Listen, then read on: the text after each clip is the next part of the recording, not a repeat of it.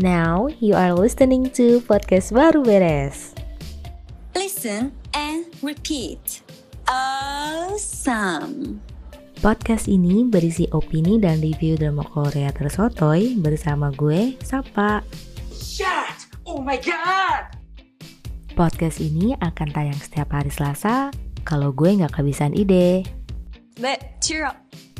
Makanya follow dan nyalakan lonceng notifikasi biar tahu ada episode baru apa enggak. Mm, no. What? Yes. Exactly.